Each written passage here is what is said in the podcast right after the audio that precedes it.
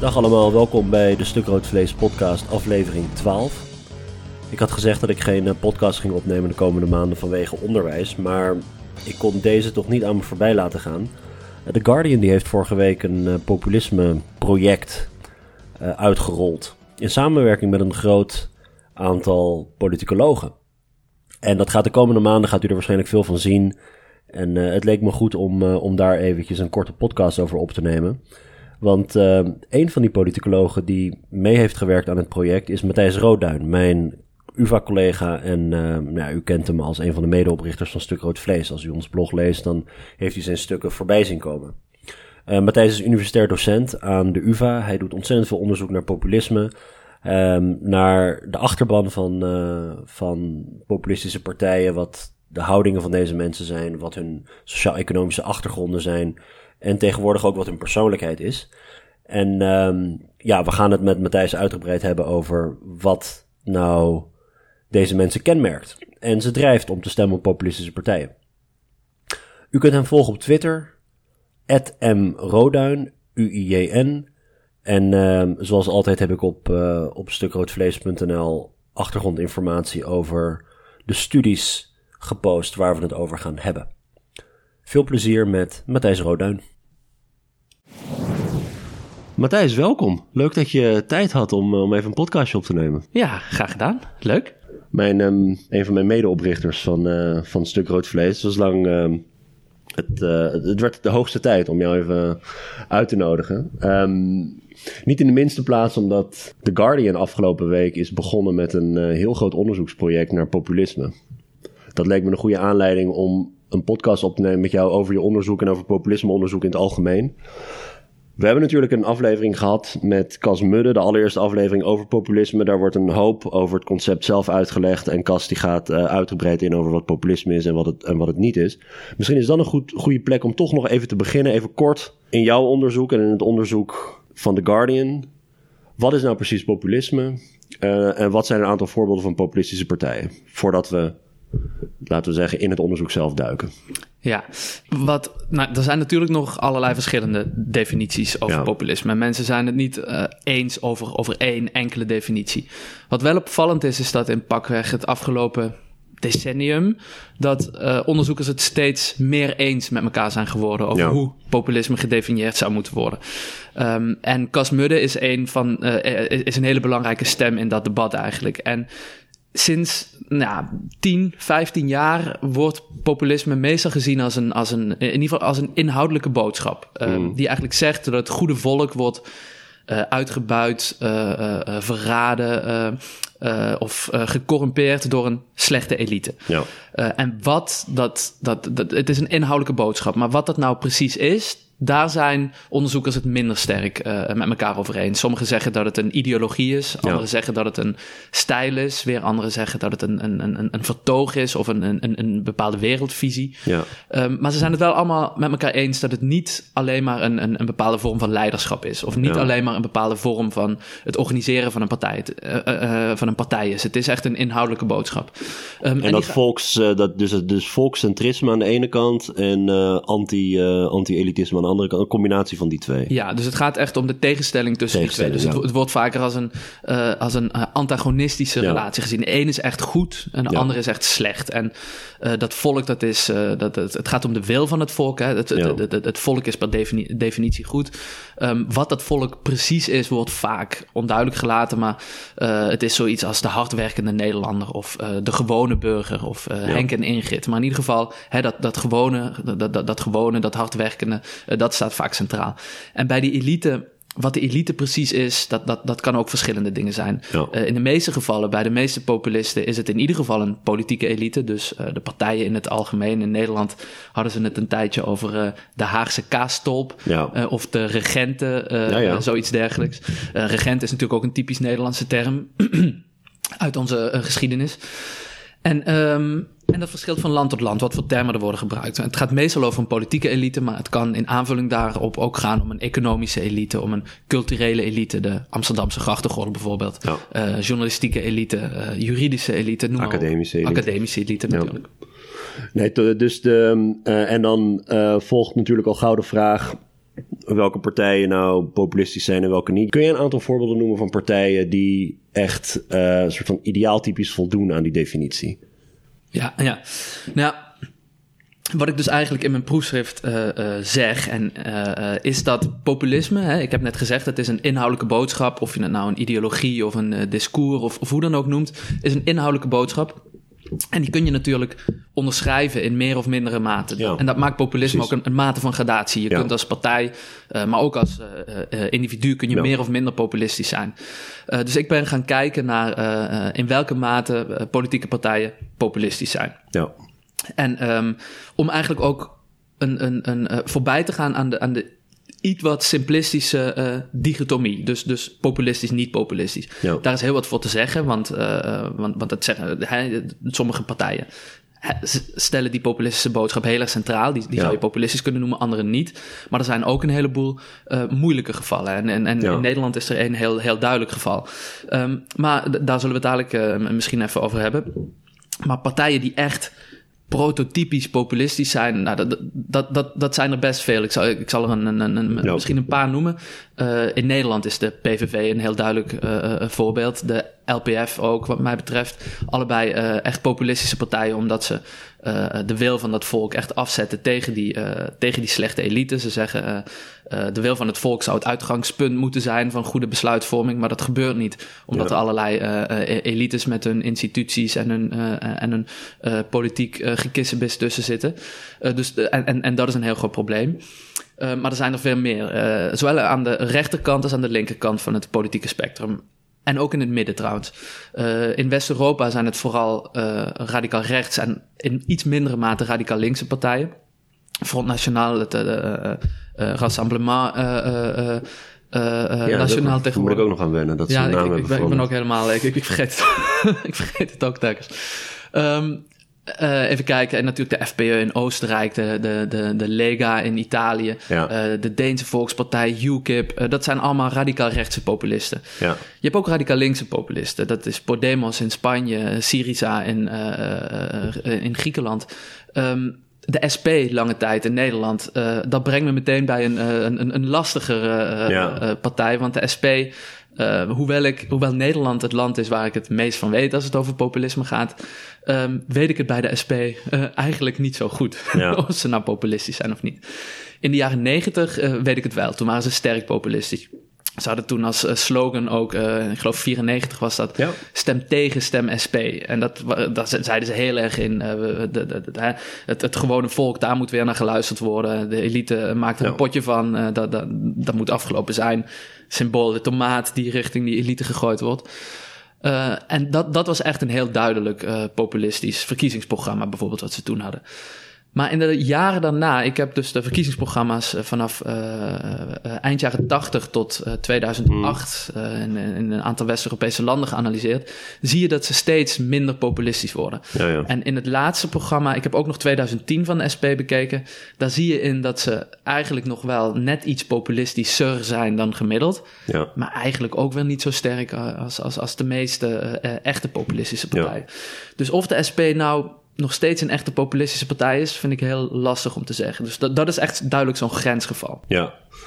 Ja, we zullen het straks even ook, ook, hebben over je onderzoek naar het verschil tussen links- en rechtspopulistische partijen en ook een achterban. En ook een, want uh, die partijen die verschillen onderling nogal wat als je kijkt naar allerlei inhoudelijke standpunten. Maar wat ze lijken te verenigen is dus dat idee van een, um, van, van een corrupte elite de SP die zal het waarschijnlijk wat economischer in, invullen. Of linkspopulistische partijen zullen het economischer invullen. De rechtspopulisten zullen het waarschijnlijk wat um, cultureler invullen of politieker invullen.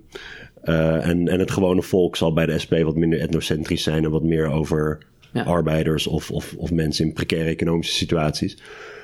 Even terug naar het Guardian-onderzoek. Hè? Dus wat, wat, wat, gaan ze nou precies doen? Want het is, uh, het is niet zomaar een krant die, uh, die schrijft over een, over een onderwerp dat hip, uh, hip wordt gevonden. Ze hebben een hele sloot uh, aan politicologen er ook bij, ja. bij betrokken. Waaronder jij zelf. Jij, ja. Bij de aftrap heb jij een artikel geschreven. Um, ja. Wat is een beetje het idee van het project?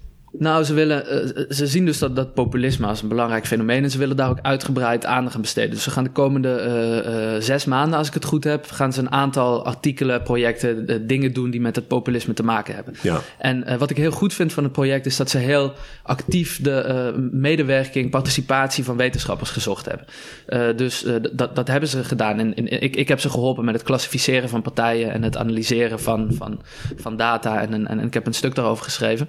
Um, maar ze hebben ook allerlei andere mensen uh, benaderd. En in de komende tijd uh, zullen, zullen zij ook artikelen schrijven. Maar zij, wat zij willen doen is, ze willen, dat wel, ze willen het heel breed insteken. Dus ze praten met wetenschappers, ze praten met politici... die uh, juist bijvoorbeeld met, met Hillary Clinton onlangs... Matteo Renzi en Tony Blair, die dus flink verloren hebben. met, niet alleen, maar met name ook als een gevolg van de opkomst van, van populisten in hun, in hun landen. En wat zij, wat zij willen doen is dat, dat fenomeen ook proberen te duiden. Um, en daarbij dat wetenschappelijke onderzoek ook betrekken. En ik denk dat dat heel goed is, omdat we dat natuurlijk heel weinig zien nog. Met stuk rood vlees proberen wij, uh, proberen wij wel ons bijdrage te leveren aan, leveren aan het publieke debat en het politicologische onderzoek uh, wat meer centraal te stellen. Maar ik denk dat The Guardian met dit, met dit project. Um, ze hebben heel wat, wat, wat mensen, geld, uh, bronnen beschikbaar gesteld om dat te doen.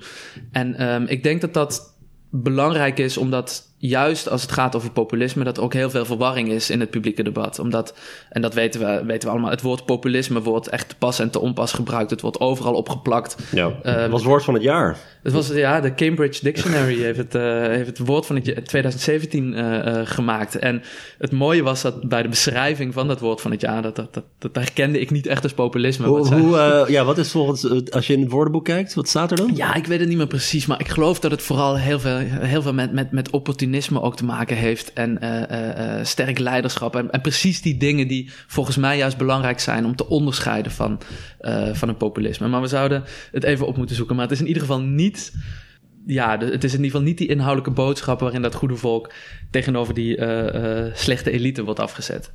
Maar ja, dit, dit, dit zegt natuurlijk dat er heel veel in het publieke debat over populisme gesproken wordt. En dat de Guardian, Guardian daar een, uh, een heel project aan wijdt, dat vind ik wel uh, dat vind ik heel goed. En het is ook natuurlijk goed voor, voor wetenschappers zoals wij, omdat ja. wat we, ons onderzoek kunnen we hierdoor ook ja, absoluut, ja, veel ja, ja, zeker, ja. bekendmaken. Even kijken, ik heb het opgezocht. Populism volgens Cambridge, volgens de Cambridge Dictionary is political ideas and activities that are intended to get the support of ordinary people by giving them what they want.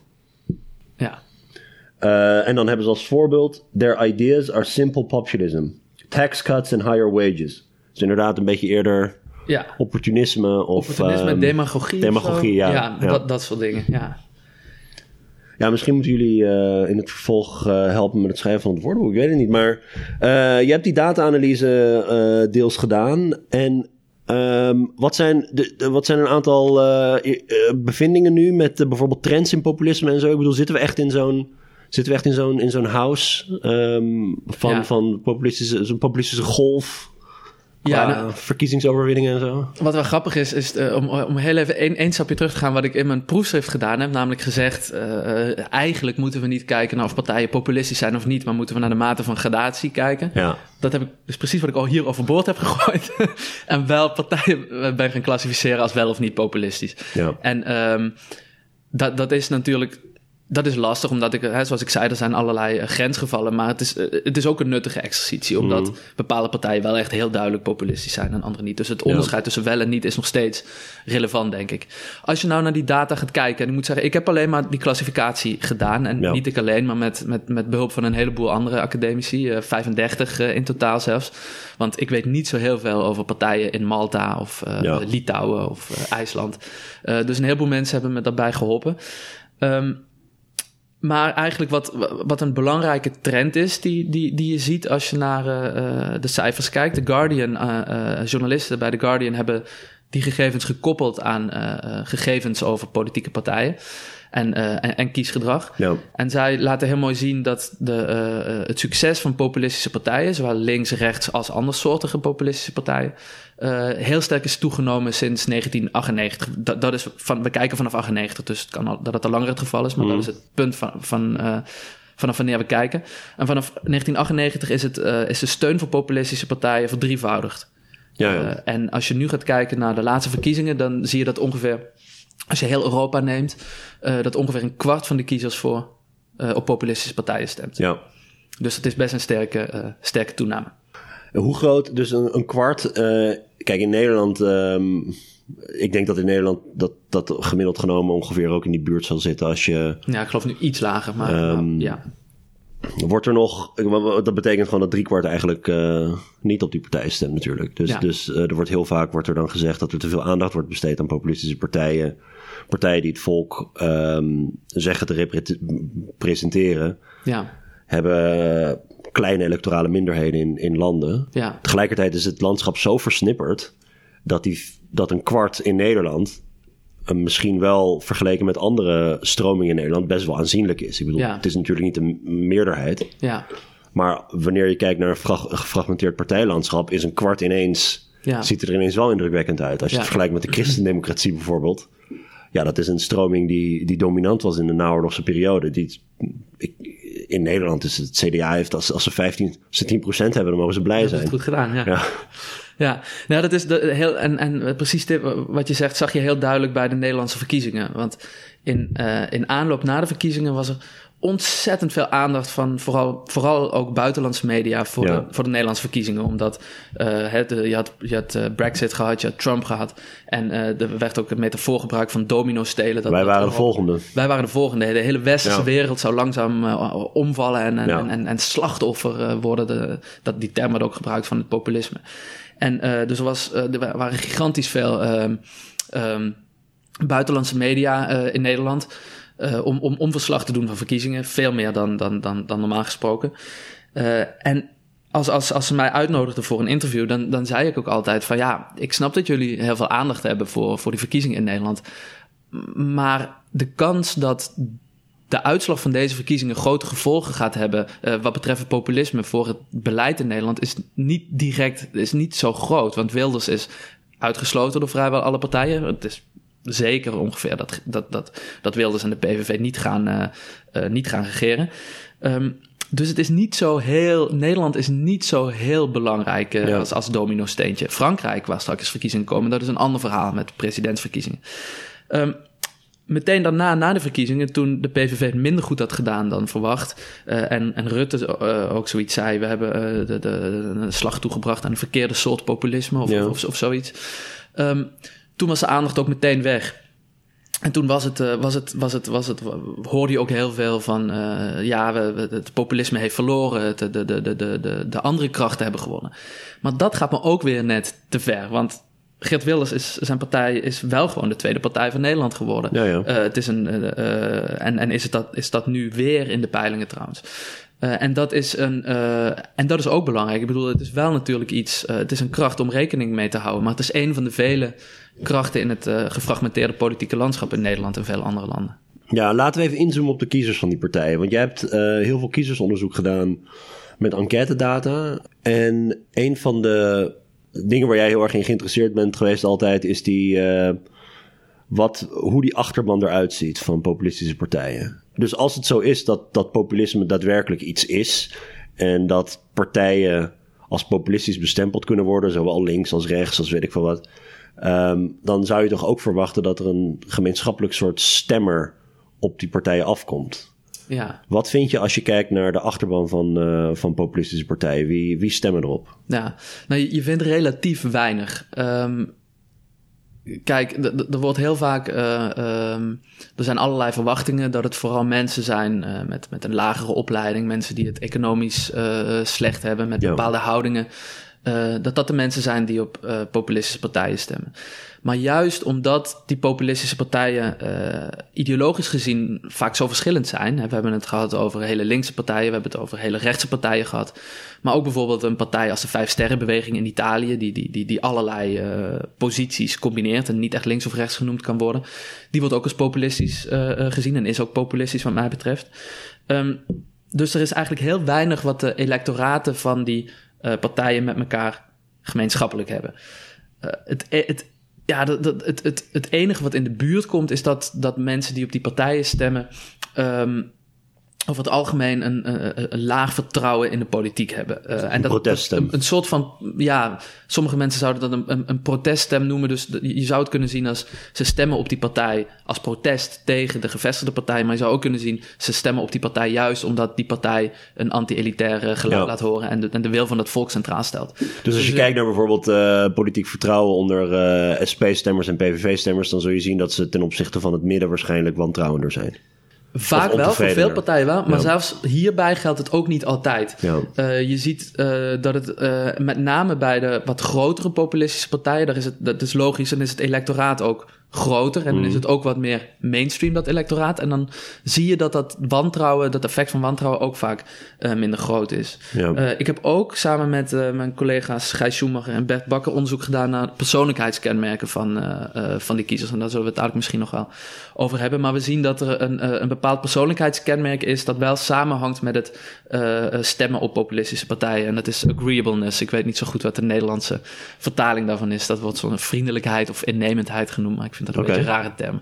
Maar mensen die, die, die, um, die laag scoren op agreeableness, dat zijn mensen die uh, in het algemeen uh, wantrouwig staan tegenover anderen, die, die, die, e-, die egoïstisch zijn, die cynisch zijn over de politiek, die geneigd zijn om in uh, complottheorieën te geloven. die zijn eerder geneigd om op populistische partijen te stemmen. En dit is iets anders dan wantrouwen? Het, die twee hangen met elkaar. Dus je zei net cynisme. Dus dit is wat, wat het zo moeilijk Ik wil heel graag praten over dat onderzoek over persoonlijkheid. Omdat dat denk ik uh, ook. Uh, ja, het is, uh, het is heel interessant omdat het variabelen zijn, verklaringen zijn die heel lang in de politicologie als, als een beetje ouderwets werden gezien. Um, dus ik, straks hebben we over die persoonlijkheid. Maar, maar, de, maar, maar dus, dus, dus je, hebt, je hebt populistische partijen, je kijkt naar de achterban. Um, je ziet niet heel veel overeenkomsten omdat populisme of populistische partijen onderscheidend zijn. Het hangt af van de context waarin die partijen functioneren. Maar zelfs als je dan kijkt naar bijvoorbeeld linkspopulistische partijen of rechtspopulistische partijen, dus, dus bijvoorbeeld kiezers op rechtspopulistische partijen, die hebben toch, moeten toch wel sommige dingen met elkaar gemeen hebben. Ja. Al is het maar uh, bijvoorbeeld de, de, de, de, anti-immigratieboodschap of linkspopulistische partijen. Dat zijn waarschijnlijk mensen die zich zorgen maken over economische ongelijkheid of uitbuiting of, of wat. Dat, dat, dat soort verschillen zie je hoop, je, hoop, hoop, ik wel. Ja, absoluut. Dus als je die twee aan elkaar trekt, links- en rechtspopulisme. Dus als je alleen naar, naar, naar radicaal links gaat kijken of alleen naar radicaal rechts uh, uh, populistische partijen dan zie je dat ze wel bepaalde uh, eigenschappen met elkaar gemeenschappelijk hebben. Dus vooral als je bijvoorbeeld naar, naar mensen gaat kijken die op radicaal rechtspopulisten stemmen, dan zie je dat uh, in, uit het meeste onderzoek blijkt, dat zijn de lagere opgeleiden, vooral mannen, uh, mensen die uh, zich vooral zorgen maken over immigratie. Die vinden dat het beleid restrictiever zou moeten worden. Die zich zorgen maken over Europese integratie ook wel. Ja. Um, en, en, en daar zie je wel een veel duidelijker profiel van een, een, een soort van kiezer. Maar aan, aan je ziet daar eigenlijk gelijk al. Het heeft vooral met dat immigratie te maken. Ja, precies. Het, is niet het populisme dat ze nee. aantrekt, maar de inhoudelijke boodschap. Ja, dus het is vooral echt. Kijk, dat heb ik net nog niet gezegd, maar populisme dat is een, een, een, een inhoudelijke boodschap, maar die hecht zichzelf vaak aan een, aan, aan, een, aan, een, aan een volle ideologie, aan een, aan een, aan een, ja. aan een echte ideologie. Uh, en dat kan bij radicaal links is dat vaak een, een, een vorm van. Uh, uh, nou, vr vroeger was dat Marxisme of ja. communisme, maar dat, tegenwoordig is dat, zijn die radicaal linkse partijen zijn het meer socialistische partijen. Ja. Maar een vorm daarvan, daar, daar, daar hecht het populisme zich aan. Bij radicaal rechts is de kern is, is nationalisme, een ex exclusionaire vorm van nationalisme. Daar hecht het populisme zich aan. En je ziet ook dat voor die kiezers vooral eigenlijk die, zoals we dat zeggen, die main ideology belangrijk is. Ja. Um, en daarom, en, en bij radicaal linkse partijen zie je dat kiezers vooral op die partijen stemmen, omdat ze um, vanwege hun opvattingen over uh, uh, sociaal-economische herverdeling bijvoorbeeld, ze vinden dat er ja. meer herverdeling moet zijn. Ze zijn economisch gezien links. Uh, dus dat, dus, en dat is eigenlijk ironisch genoeg, um, laat het eigenlijk zien dat als je wil het succes van, van, van populistische partijen wil begrijpen, dan moet je naar een populisme kijken. Maar tegelijkertijd zijn de kernideologieën van die partijen ja. belangrijker bij het verklaren van een succes. Het is wel grappig als je kijkt eh, naar, of als je een aantal van jullie volgt op Twitter. Uh, ja, Cas, jij, jullie zijn al, um, ook, ook uh, collega's met, in aanverwante, aanver, ja, met aanverwante interesses in populismeonderzoek, Zadelange en, en, en, en wat andere. Um, is dat jullie eigenlijk uh, vaak zeggen dat er te veel aandacht is voor populisme. Dat het niet het populisme is. Dus als het gaat om Brexit of Trump, weet je wel, dan halen mensen heel vaak populisme erbij. Maar dat het niet, dat populisme misschien een randverschijnsel is of een secundaire verklaring voor die kenmerken. Of voor, voor, die, voor die verkiezingsuitslagen. Dat het niet het populisme is dat zo interessant is of dat zo belangrijk is van deze, aan deze verschijnselen. Maar bijvoorbeeld inderdaad die, um, dat, die exclusionaire vorm van nationalisme. Of wanneer het gaat om het succes van andere linkspopulistische partijen, dan is het misschien niet het populisme van die partijen dat mensen aantrekt, maar de inhoudelijke economische boodschap. Um, dat je eigenlijk als populisme-onderzoekers je eigen rol um, ja. marginaliseert, of tenminste dat je jezelf een beetje weg, uh, wegcijfert. Dat is ergens wel heel eerlijk natuurlijk. Ja, nou ja, kijk, ik, ik, ik, denk, ik denk dat we dat vooral om, om, om twee redenen doen. De, eerste is inderdaad dat het, dat het, ik denk dat dat ook, ik denk dat dat zo is. Ik denk dat het zo is dat um, bij de Brexit, bij het stemmen op de PVV, daar gaat het niet om dat, hè, dat gaat niet, dat, dat gaat ook om volk versus elite. En ik denk niet, ik, het is, ik denk dat het belangrijk is. Ik denk dat het ook heel interessant is om dat te bestuderen. En het is absoluut een van de factoren die een belangrijke rol spelen en die we moeten moeten benadrukken en moeten analyseren. Tegelijkertijd denk ik dat opvattingen over immigratie, in dit geval bij radicaal rechtspopulisme, dat, dat dat echt belangrijker is. En onderzoek laat het mhm. ook zien. Dat, geldt, dat geldt voor de kiezers, maar dat geldt ook voor de partijen. Die, die benadrukken dat ook sterker dan dat ze hun populisme benadrukken. Al koppelen ze natuurlijk heel duidelijk aan elkaar. Hè? Dus die, die partijen, die uh, radicaal rechtspopulistische partijen, die, die, die koppelen dat heel mooi. Die zeggen, uh, ja, de, de, uh, het, het, het, het, het volk wordt, wordt, wordt uitgebuit door een, of, of in ieder geval verraden door een politieke elite. Want die politieke elite zet de grenzen open, waardoor allerlei immigranten kunnen binnen, binnenkomen. Maar ik denk waarom we dat ook zeggen, in ieder geval ik, en ik, weet dat dat ook geldt voor Sarah en Cas bijvoorbeeld, is dat het heel belangrijk is dat, um, dat we niet populisme en um, bijvoorbeeld nativisme, dat is een, die exclusionaire vorm van nationalisme, dat we die niet met elkaar moeten verwarren. Dus heel vaak in het debat, als het gaat over populisme, dan bedoelen mensen eigenlijk nativisme. Ja. En die termen, of, vooral het populisme, dat wordt eigenlijk overal op geplakt. En ik denk dat het heel belangrijk is om die twee, uh, om daar heel voorzichtig mee om te gaan en om die altijd, altijd aan elkaar te trekken. Dus als het jou echt gaat om partijen omdat ze um, partijen die, uh, uh, die negatief zijn over immigratie, die um, die partijen die moet je eigenlijk, uh, als het je echt daarover, daarom gaat, dan, dan moet je het hebben over nativisme. Als het je gaat ja, laat je Syriza en zo, laat je er gewoon die buiten. laat je er dan buiten, Dan moet je het geen populisme noemen. Nee, want als je het dan hebt over populisme, dan haal je inderdaad ook die andere partijen erbij. En een belangrijk voorbeeld is dat, um, uh, ik heb net gezegd, hè, dus dat één belangrijke eigenschap van mensen die op radicaal rechtspopulistische partijen stemmen, is dat ze lager opgeleid zijn. Uh, dat geldt, uh, nou, de gevolgtrekking die veel mensen maken dan, is dat dat ook wel zou gelden voor mensen die op populistische partijen in het algemeen stemmen. Ja. En dat is dus een, een foute gevolgtrekking, omdat als je het over populisme in het algemeen hebt, dan gaat het ook over, uh, over die linkspopulistische partijen. En voor die partijen geldt, nu, geldt dat helemaal niet. Geldt het niet dat het vooral de lager opgeleiden zijn. In sommige gevallen, gevallen zijn het juist de hoger opgeleiden die eerder op die partijen stemmen. Dus die, de, de, de reden waarom lager opgeleiden op radicaal rechtspopulistische partijen stemmen, is waarschijnlijk hun nativisme en niet, en niet hun populisme. Hun populisme. Ja. Uh, even terugkerend naar, uh, naar dat persoonlijkheidsonderzoek. Hè? Dus, dus um, ja, in de, in de politicologie is het, was het lange tijd um, ja, toch een beetje ouderwets werd het gevonden. Ik heb als ik, uh, als ik, het, als ik persoonlijkheid hoor en persoonlijkheidskenmerken en hoe die uitwerkingen hebben op politieke houdingen denk ik meteen aan Adorno en aan autoritaire persoonlijkheid en allemaal van die, van die tests direct na de Tweede Wereldoorlog uh, uh, ontworpen om, uh, om, omdat mensen wilden weten wat, wat is er nou, hoe, hoe kunnen we nou steun voor bijvoorbeeld ehm, ja, nationaal socialisme verklaren en heeft dat te maken met een bepaald persoonlijkheidstype volgens mij een soort fascisme-schaal of zo. Ja. Um, een lange tijd, als je dan kijkt naar bijvoorbeeld het surveyonderzoek, politicologische surveys, zitten persoonlijkheidskenmerken er niet, niet in. Die worden, of de, de houdingen en de predisposities die horen bij persoonlijkheid, die worden niet gevraagd. Er wordt natuurlijk over allerlei issues gevraagd, over allerlei andere houdingen. En jij hebt met Gijs uh, Schumacher en Bert Bakker, uh, twee collega's aan de UvA, heb je een soort nieuw, uh, of voor jezelf althans nieuw, uh, onderzoeksagenda opgezet over persoonlijkheidskenmerken en stemmen voor populistische partijen. Waarom, hoe, hoe kom je erbij om dat, om dat toch weer om die hoek op te gaan? Ja, omdat, uh, omdat we dachten, ehm, kijk, het is natuurlijk met die persoonlijkheidskenmerken kun je natuurlijk moeilijk, kun je moeilijk het, de, de, de toename van steun voor populisten verklaren. Want er is een sterke toename, maar de, persoonlijkheid is relatief stabiel. Het verandert wel, maar het is vrij stabiel bij, bij, bij mensen. Je wordt niet opeens uh, van heel introvert, heel extravert uh, nee. binnen, een, binnen een korte periode. Überhaupt gaat het natuurlijk... Mensen veranderen je niet. mensen veranderen, veranderen wel, maar heel, heel langzaam. Um, dus de, de, de, de toename van steun voor die partijen kun je er niet mee verklaren. Maar we dachten wel op een gegeven moment, en het komt vooral. Uh, um, ik, ik, ik deed vooral onderzoek naar populisme. Gijs heel veel naar, naar retoriek en politieke partijen. En Bert naar persoonlijkheid.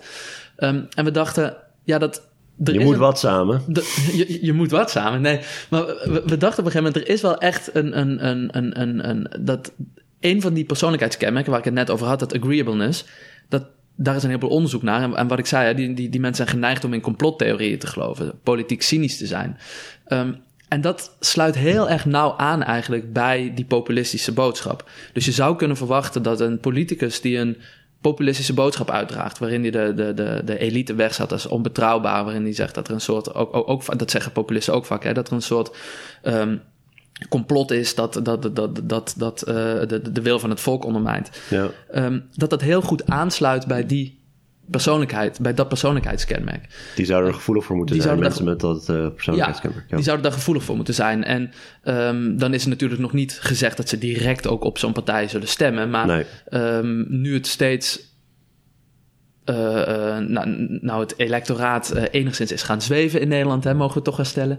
Ja. De verzuiling niet meer hier is is wel de kans groter dat deze mensen ook daadwerkelijk op populistische partijen gaan stemmen. Dus wij zijn eigenlijk gaan kijken in een aantal landen um, of er een samenhang is tussen die persoonlijkheidskenmerken of een samenhang is dus tussen die persoonlijkheidskenmerken en uh, steun voor populisten.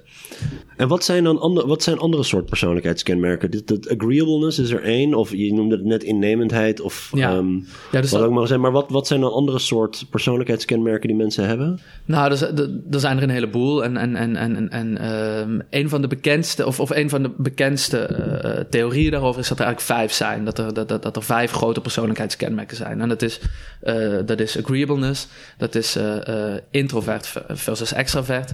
Openness to experience, dus uh, hoe, hoe, open je staat. neuroticisme en conscientiousness. en dat zijn eigenlijk de vijf grote persoonlijkheidskenmerken die, die volgens die theorie onderscheiden worden. Daarnaast heb je een heleboel andere. Uh, waar, eentje die, die we misschien ook moeten bespreken is autoritarisme. Uh, en dat is, dat, die vloeit eigenlijk ook voort uit dat onderzoek waar jij het net over had. Van gevoeligheid van, voor gezag of zo. Ja, gevoeligheid voor gezag. En dat, en dat wordt bijvoorbeeld meestal gevraagd door um, mensen te vragen: hoe vind jij dat, uh, dat, dat, dat, dat, je kind opgevoed zou moeten worden? Moet je kind creatief zijn en vrijgelaten worden? is onafhankelijkheid belangrijk? Of het volgen van regels, het, het luisteren naar het gezag, dat soort dingen. En op die manier wordt gemeten hoe autoritair iemand is. En dat zijn eigenlijk dat, dat zijn belangrijke persoonlijkheidskenmerken volgens mij. Uh, nou, nou, eigenlijk agreeableness en het autoritarisme, dat zijn belangrijke persoonlijkheidskenmerken in dat onderzoek naar populisme. Omdat verwacht wordt dat die daarmee zouden samenhangen. Maar, maar is het dan zo dat je bijvoorbeeld uh, bepaalde hele stabiele kenmerken hebt die inderdaad te maken hebben met je karakter? En dat die dan ervoor zorgen dat jij bepaalde politieke uh, ideologieën wel of niet aanhangt. Um, en dat je daarom aansluiting vindt bij populistische partijen. Is, want er zit natuurlijk ook. Ik kan me voorstellen dat, dat bijvoorbeeld iets als gezag. Dat, of dat, dat die, die gezagscomponent van je persoonlijkheid. Dat heeft dan waarschijnlijk zijn weerslag op hoe jij um, denkt over strenger straffen of het rechtsstelsel of uh, meer blauw op straat of weet ik veel wat. Ja.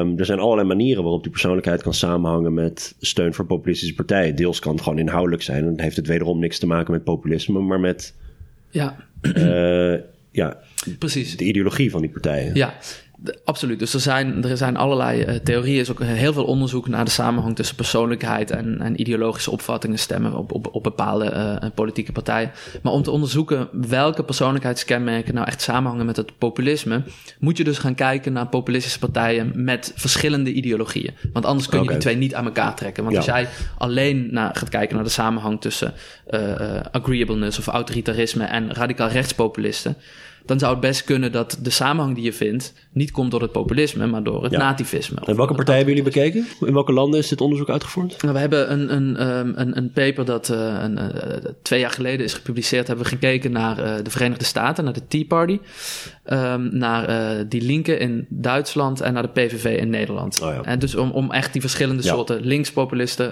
rechtspopulisten en de Verenigde de Tea Party is natuurlijk een wat aparte beweging, is niet echt een partij.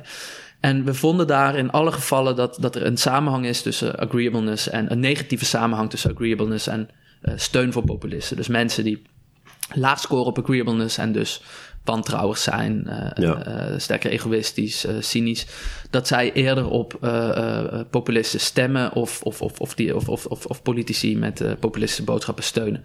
Nu hebben we dat onderzoek onlangs gerepliceerd in een heleboel andere uh, landen. Dus we hebben een, een nieuwe steekproeven. Uh, in, we, we, we, hebben daarbij gevoegd uh, UKIP uit het Verenigd Koninkrijk. Um, even kijken. Podemos in Spanje. Hugo Chavez in Venezuela. Zo, Donald Trump in de Verenigde Staten. we hebben in totaal naar, even denken hoor. volgens mij 15 nieuwe steekproeven gekeken. En in alle gevallen is het effect van agreeableness negatief. Uh, maar in drie van de vijftien is het niet statistisch significant. Ja. Uh, maar in twee daarvan weer bijna wel. Ja. Dus we hebben vrij sterke steun voor die relatie tussen die twee. Uh, tussen agreeableness en populisme. En belangrijk is voor ons onderzoek en, en, en, en dus ook om tot de conclusie te komen dat het daadwerkelijk te maken heeft met het populisme, is dat, het, dat we naar die, al die verschillende ideologieën kijken. Dus niet alleen rechtspopulisme, populisme, maar ook linkspopulisme. Ja ja, je hebt dus, dus je hebt verklaringen voor populisme. Dus, dus, uh, hè, dus uh, mensen hebben bepaalde houdingen of persoonlijkheden of, of, of uh, andere kenmerken die kunnen leiden tot een populistische stem.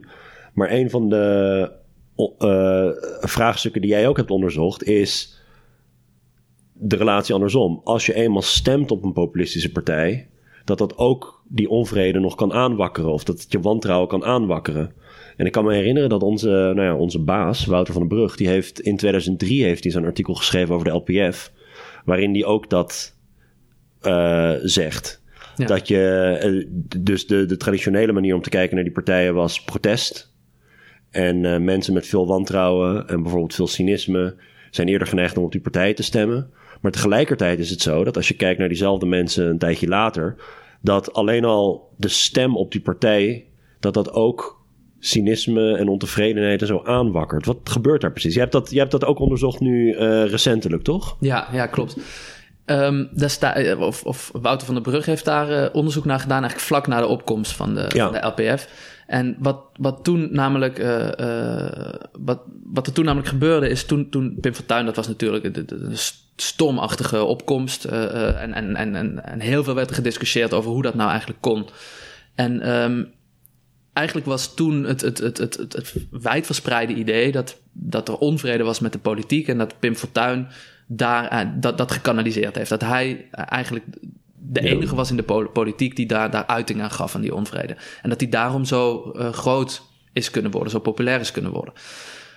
Maar er, zijn, er is allerlei onderzoek en er zijn allerlei data die dat eigenlijk weerspreken. Als je bijvoorbeeld gaat kijken naar cijfers van het SCP, dan zie je dat de steun voor de politiek vlak voor de opkomst van Fortuyn nog vrij groot was. Mensen waren heel tevreden met de politiek. Um, en wat er uh, volgens mij uh, gebeurd is, en, en, en, onderzoek van Wouter laat dat zien, maar ook uh, ander onderzoek. En niet alleen hier, maar in het algemeen zie je dat dat, dat, dat, dat, dat vaak gebeurt. Is dat mensen kunnen op populistische partijen zijn, of in dit geval rechtspopulistische partijen zijn, maar om verschillende redenen. Ze kunnen dat doen vanwege het populisme van die partij, dat is een reden. Maar zoals ik al gezegd heb, in de meeste gevallen is de belangrijkste reden hun anti-immigratiestandpunten. Ja. Dus ze stemmen uh, op die partij om die redenen. Uh, om, om, om, met dat als belangrijkste reden. Um, wat vervolgens gebeurt is dat mensen, uh, als ze eenmaal op zo'n partij gestemd hebben, dan identificeren ze zich met een partij en dan zullen ze ook vatbaarder zijn voor de overige standpunten van zo'n partij. Uh, dus als zij eenmaal op een uh, uh, LPF of een PVV gestemd hebben, vanwege hun anti-immigratiestandpunt, en ze gaan zich steeds meer met die partij identificeren, dan zullen ze ook denken. Oh, dan zal Pim Fortuyn, Geert Wilders of, of, of, over wie we het dan ook hebben, ook wel gelijk hebben met zijn ideeën over, over politiek. Ja. En dan zullen zij vatbaarder worden voor die opvattingen en daardoor ook sterker ontevreden worden. Ja. En ik weet, kijk, we hebben, we hebben niet goed genoeg data om dat helemaal uit te pluizen in de tijd van Pim Fortuyn. Nee. Maar um, we kunnen wel concluderen op basis van ons onderzoek dat, er, dat het effect beide kanten op gaat. Dus Ja. het is zo dat mensen op populisten stemmen. Hè, dat, of dat, dat, dat, dat redelijk wat mensen op die partijen stemmen omdat ze ontevreden zijn. Maar het is ook zo dat mensen ontevredener worden als zij op die partij gestemd hebben. Dus Het is trouwens een fenomeen dat niet alleen geldt voor eh, stemmers op populistische partijen, kiezers in het algemeen. Ja. Je stemt op een bepaalde partij. Dus ste- stel je stemt op GroenLinks eh, op basis van het duurzaamheidsstandpunt. En vervolgens is er een of ander referendum ergens over een ander onderwerp. En je hebt vaak op GroenLinks gestemd vanwege een milieustandpunt. Stel Ja. dat het een Europees referendum is, dan kijk je naar wat GroenLinks vindt, omdat je zelf niet echt een uitgekristalliseerde mening hebt over Ja. Europese eenwording. En dan volg je wat die partij doet. Ja. Dus het gebeurt bij heel veel, heel veel partijen. Je stemt bijvoorbeeld op een partij vanwege een bepaalde eh, vanwege een bepaalde overtuiging. Ja. Maar partijen die hebben natuurlijk een, een heel pakket aan, aan ideeën. Ja. En vervolgens, als je eenmaal een paar keer op zo'n partij hebt gestemd, dan ben je vatbaarder voor de boodschappen van de, van de partij. En zul je ook op andere punten die partij volgen. En als het gaat om rechtspopulistische partijen, is dus de, de stelling. Eh, kiezers die zijn voornamelijk aangetrokken tot die partij vanwege het anti-immigratiestandpunt. En ehm, daarna pas nemen ze ook de meer populistische ja.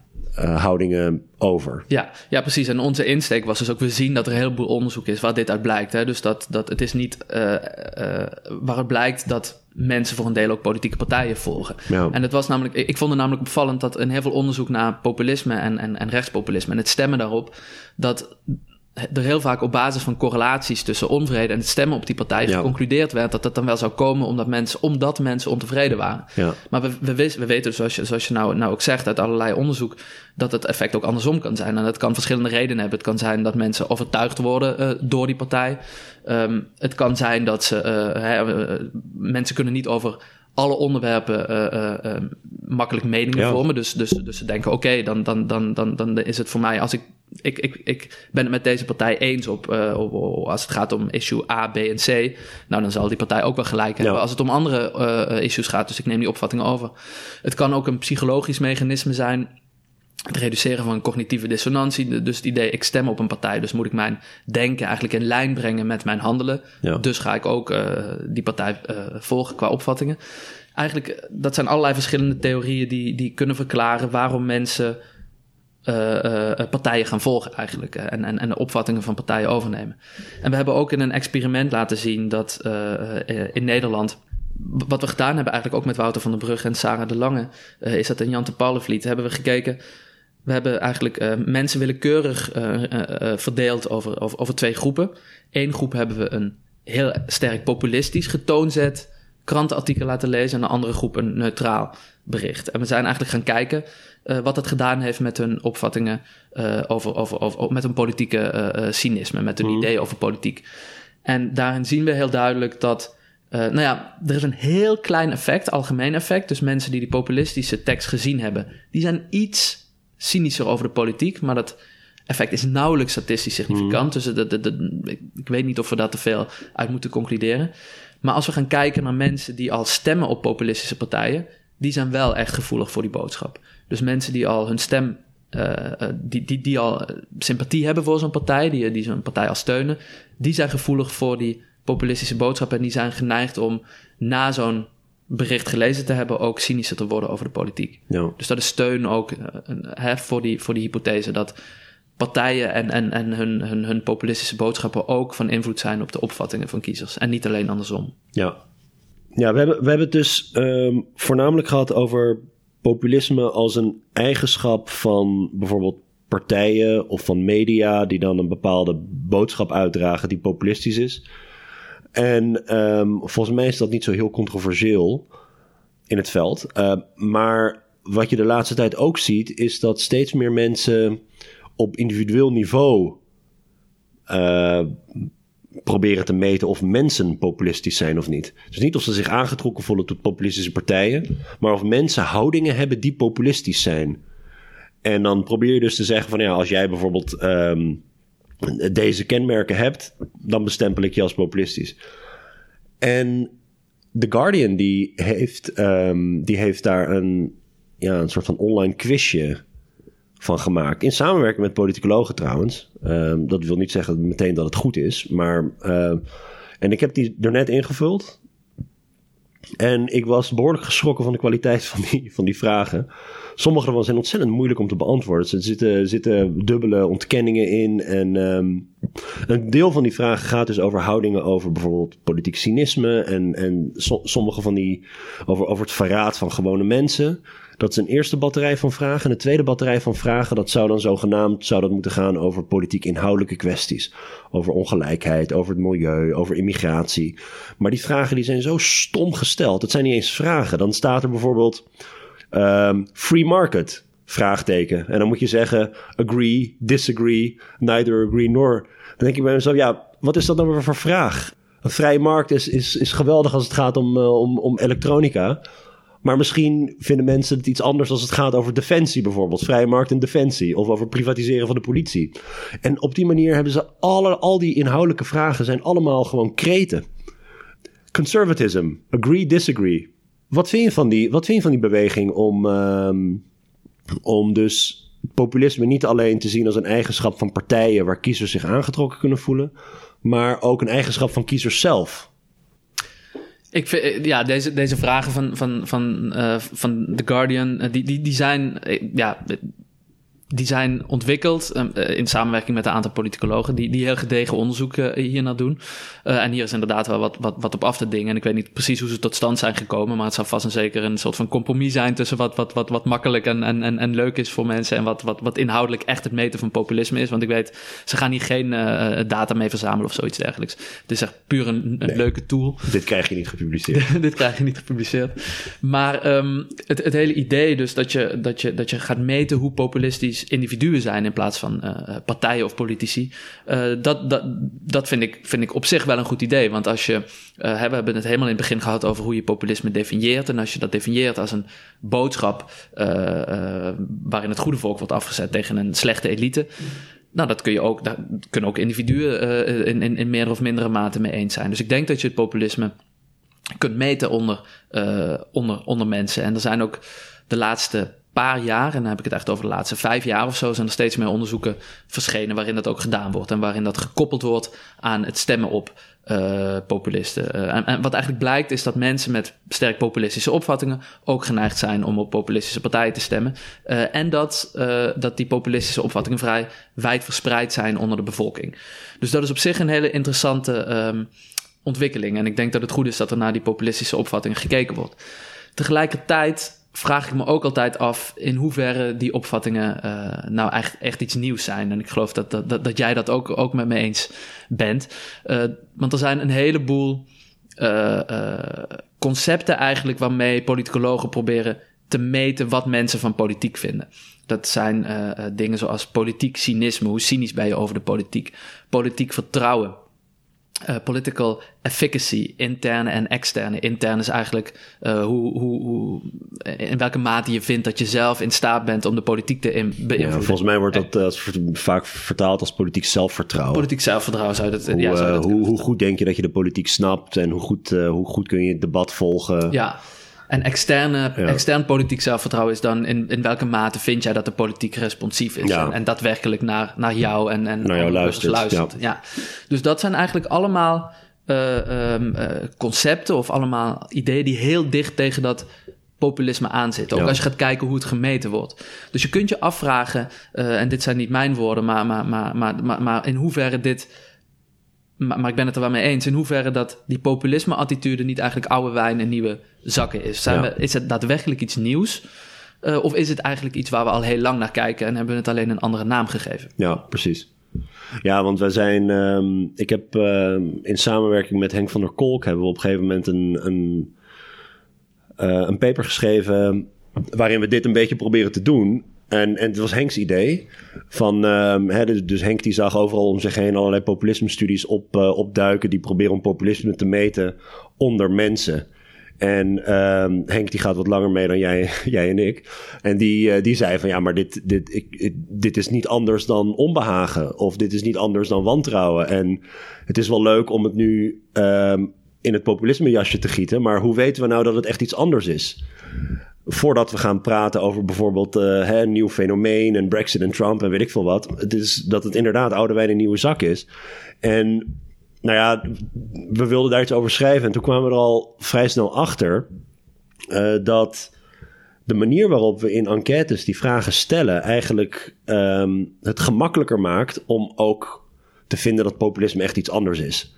En dat cynisme bijvoorbeeld echt iets anders is dan vertrouwen. En dat vertrouwen weer echt iets anders is dan bijvoorbeeld ontevredenheid met democratie.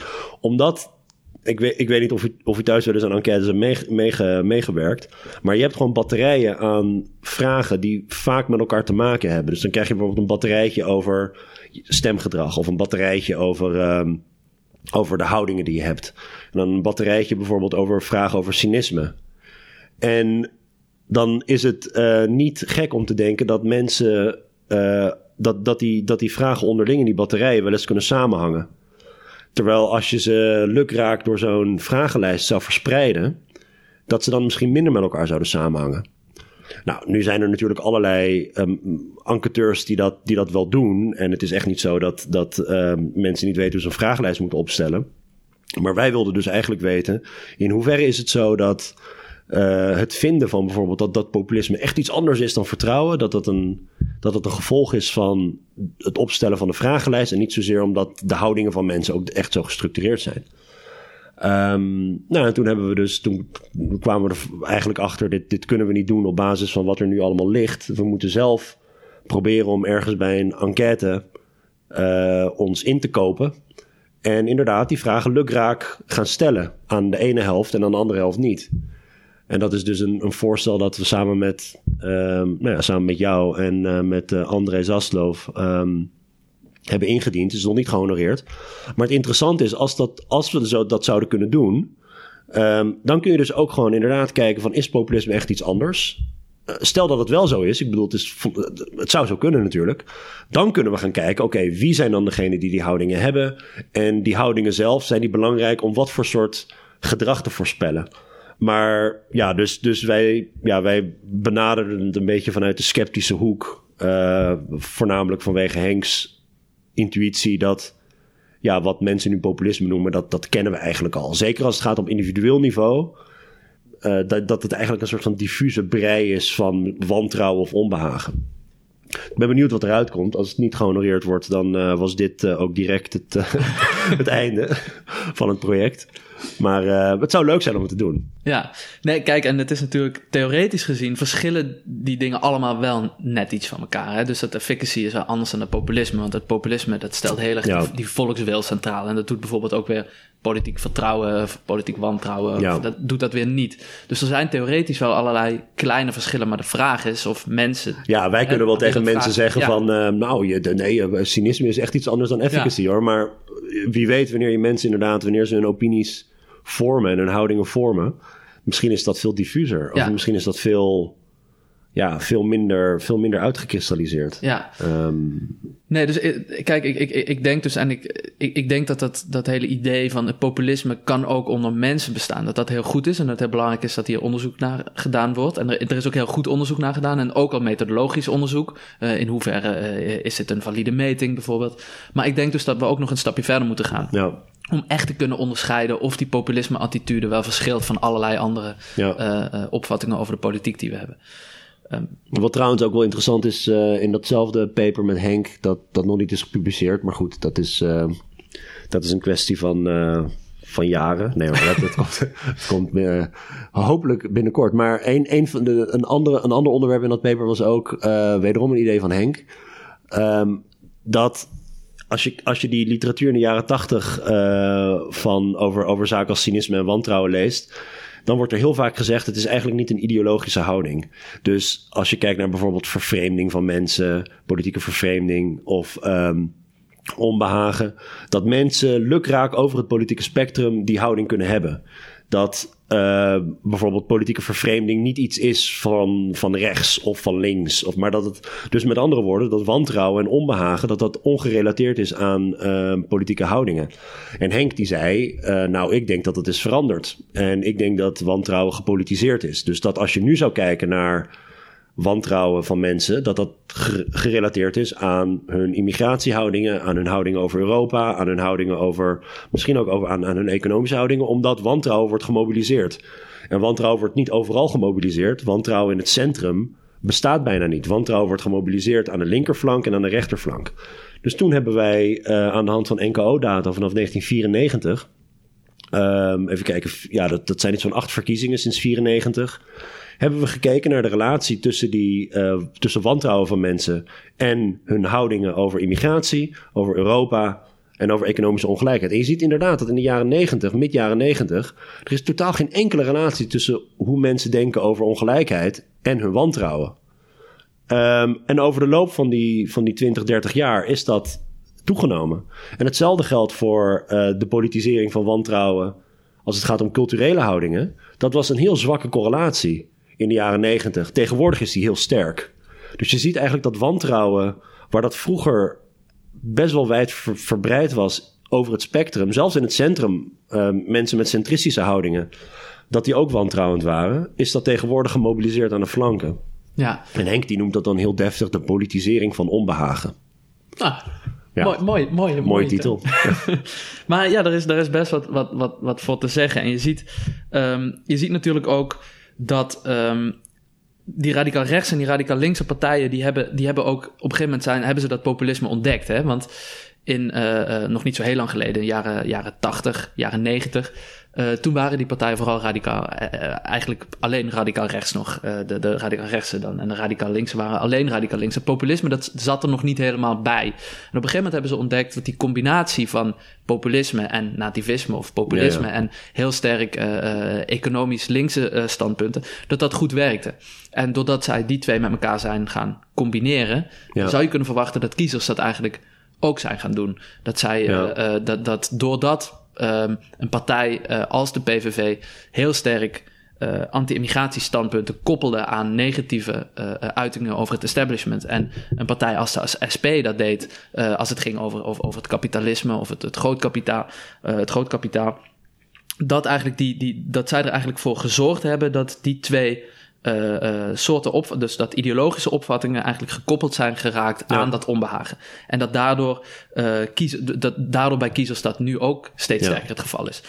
Um, We vinden trouwens wel dat onbehagen met name op cultureel rechts wordt gemobiliseerd. Een beetje op links. Ja. Economisch links. Ja.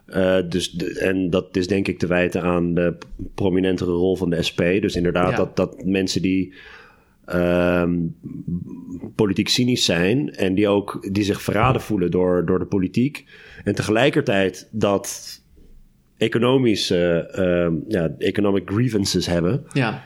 Dat dat door de SP wordt gekoppeld. Dus, de, dus de economische uh, precaire situatie van mensen en het politieke wantrouwen wordt door de SP samengebracht. Ja. Maar die relatie die is een stuk minder sterk dan wat op cultureel rechts voor onvrede wordt gemobiliseerd. Ja, en dat is precies in lijn met wat ik eh, in, in, in mijn onderzoek met uh, Tjitske Akkerman heb gevonden. Daar hebben we gekeken naar de mate van populisme en hoe radicaal partijen zijn. Uh, en, en, en we hebben het hier al een, soort, een beetje eerder over gehad. Dat, er, hè, dus dat, dat, dat radicaal linkse partijen, die zijn, kun je verwachten, sterk populistisch. En radicaal ja. rechtse partijen ook.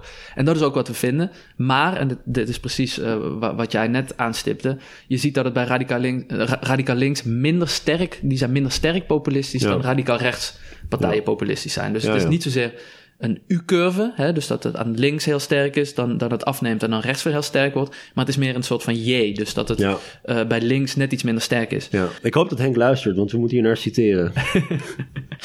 En, uh, maar wat, wat ik dan nog, dus, dus eigenlijk laten jullie zien dat context heel belangrijk is. Hè? Dus dat, dat hoe partijen, uh, um, wat partijen doen, dat het heel belangrijk is voor hoe die opvattingen zich bij kiezers ontwikkelen. Ja. Wat ook belangrijk is, is uh, de context met betrekking tot de plek waar het gebeurt. Want je ziet dat inderdaad in West-Europa er een hele sterke samenhang is, samenhang is bij partijen. En, en, en, en, en, en radicaal links, radicaal rechts en populisme. Maar dat zie je bijvoorbeeld niet in Oost-Europa. Daar zie je dat het populisme juist opkwam in, bij centrumpartijen. Hmm. Uh, en daar is, daar ja, is het ja. dus weer heel anders. Dus, uh, en daar zou je dus ook kunnen verwachten. En, en, en ik, ik, durf bijna mijn hand ervoor in, in vuur te steken dat dat ook zo is. Dat je bij heel veel kiezers in het politieke midden sterke populistische attitudes. In Hongarije of zo? In Hongarije bijvoorbeeld. Kijk, zo'n Fidesz van uh, Viktor Orban die daar ehm, de scepter zwaait. Uh, die partij is, zou ik nu zeggen, duidelijk uh, populistisch en radicaal rechts. Ja. Um, maar toen die partij, nou, toen, toen, toen, toen hij leider werd in de begindagen, was die partij nog populistisch, nog radicaal rechts. Die is langzaamaan populistisch geworden en daarna radicaal rechts. Dus die partij is echt verschoven. Um, maar die partij is dus wel een hele tijd populistisch geweest en zat verder ideologisch niet redelijk in het midden. En hetzelfde geldt voor een heleboel andere hmm. partijen, zoals uh, recht en rechtvaardigheid in Polen bijvoorbeeld. Uh, in Oost-Europa zijn er een heleboel partijen in het zijn of waren een heleboel partijen in het ideologische centrum die sterk populistisch zijn. En dat is echt anders in West-Europa. Het enige land dat hier wel echt een uitzondering vormt is Italië. Met uh, de eerste Forza Italia van uh, um, Berlusconi en daarna en nu de Vijf Sterrenbeweging. Uh, dat, zijn echt, dat zijn ook niet duidelijk radicaal links of radicaal rechtse partijen. Maar in West-Europa verder is het, zijn, zijn de meeste partijen of radicaal links of radicaal rechts. De meeste populistische partijen. Hey, even op het einde.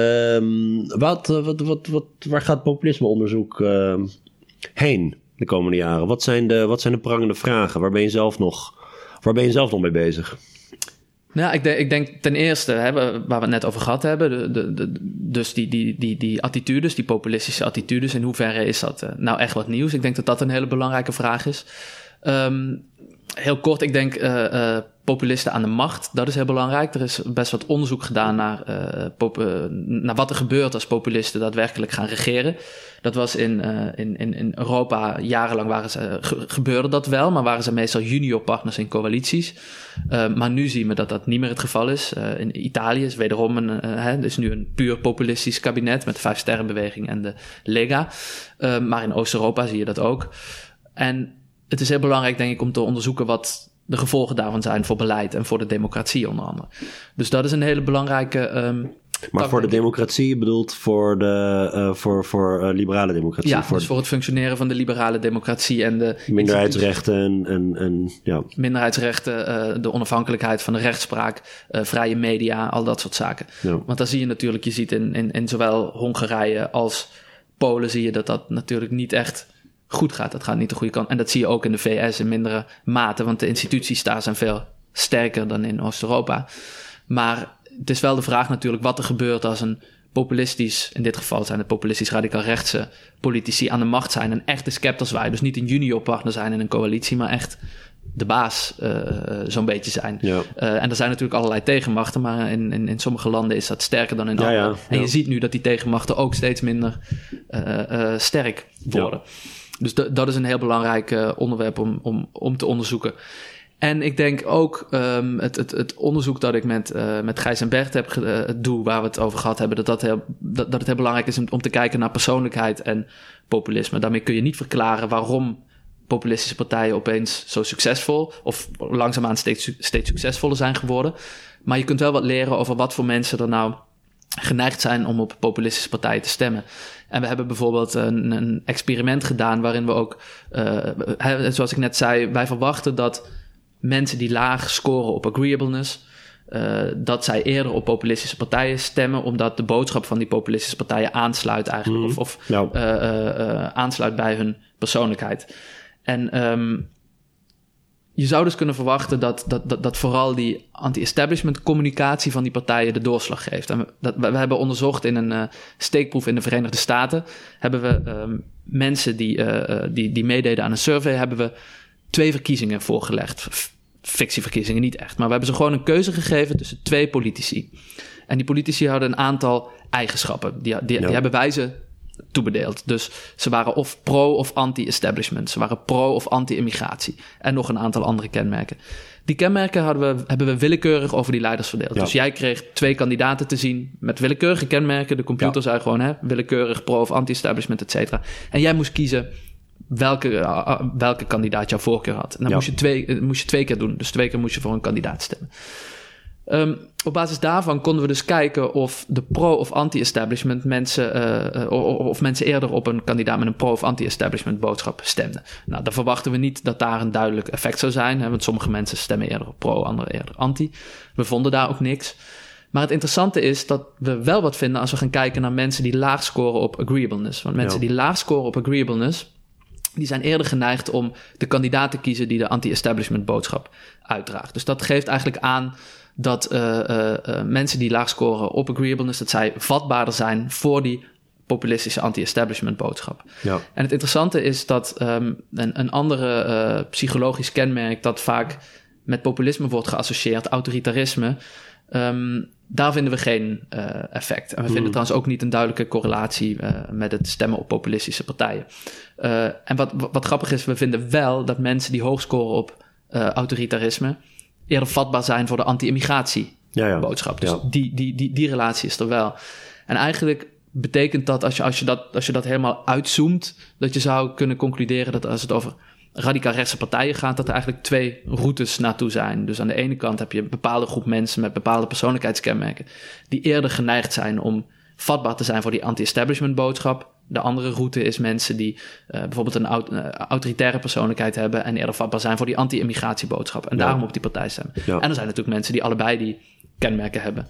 In het geval van dit ging, ging over de Verenigde Staten. In het geval van Trump zijn natuurlijk ook een heleboel mensen die gewoon op Trump stemmen omdat ze loyale republikein zijn. Ja, ja dus dat is dus verreweg de grootste groep. dat is ja. verreweg de grootste groep. Dus er zijn allerlei routes eigenlijk naar dat, uh, uh, uh, binnen, dat, ja, binnen dat electoraat van radicaal rechts en populistische partijen. Ja.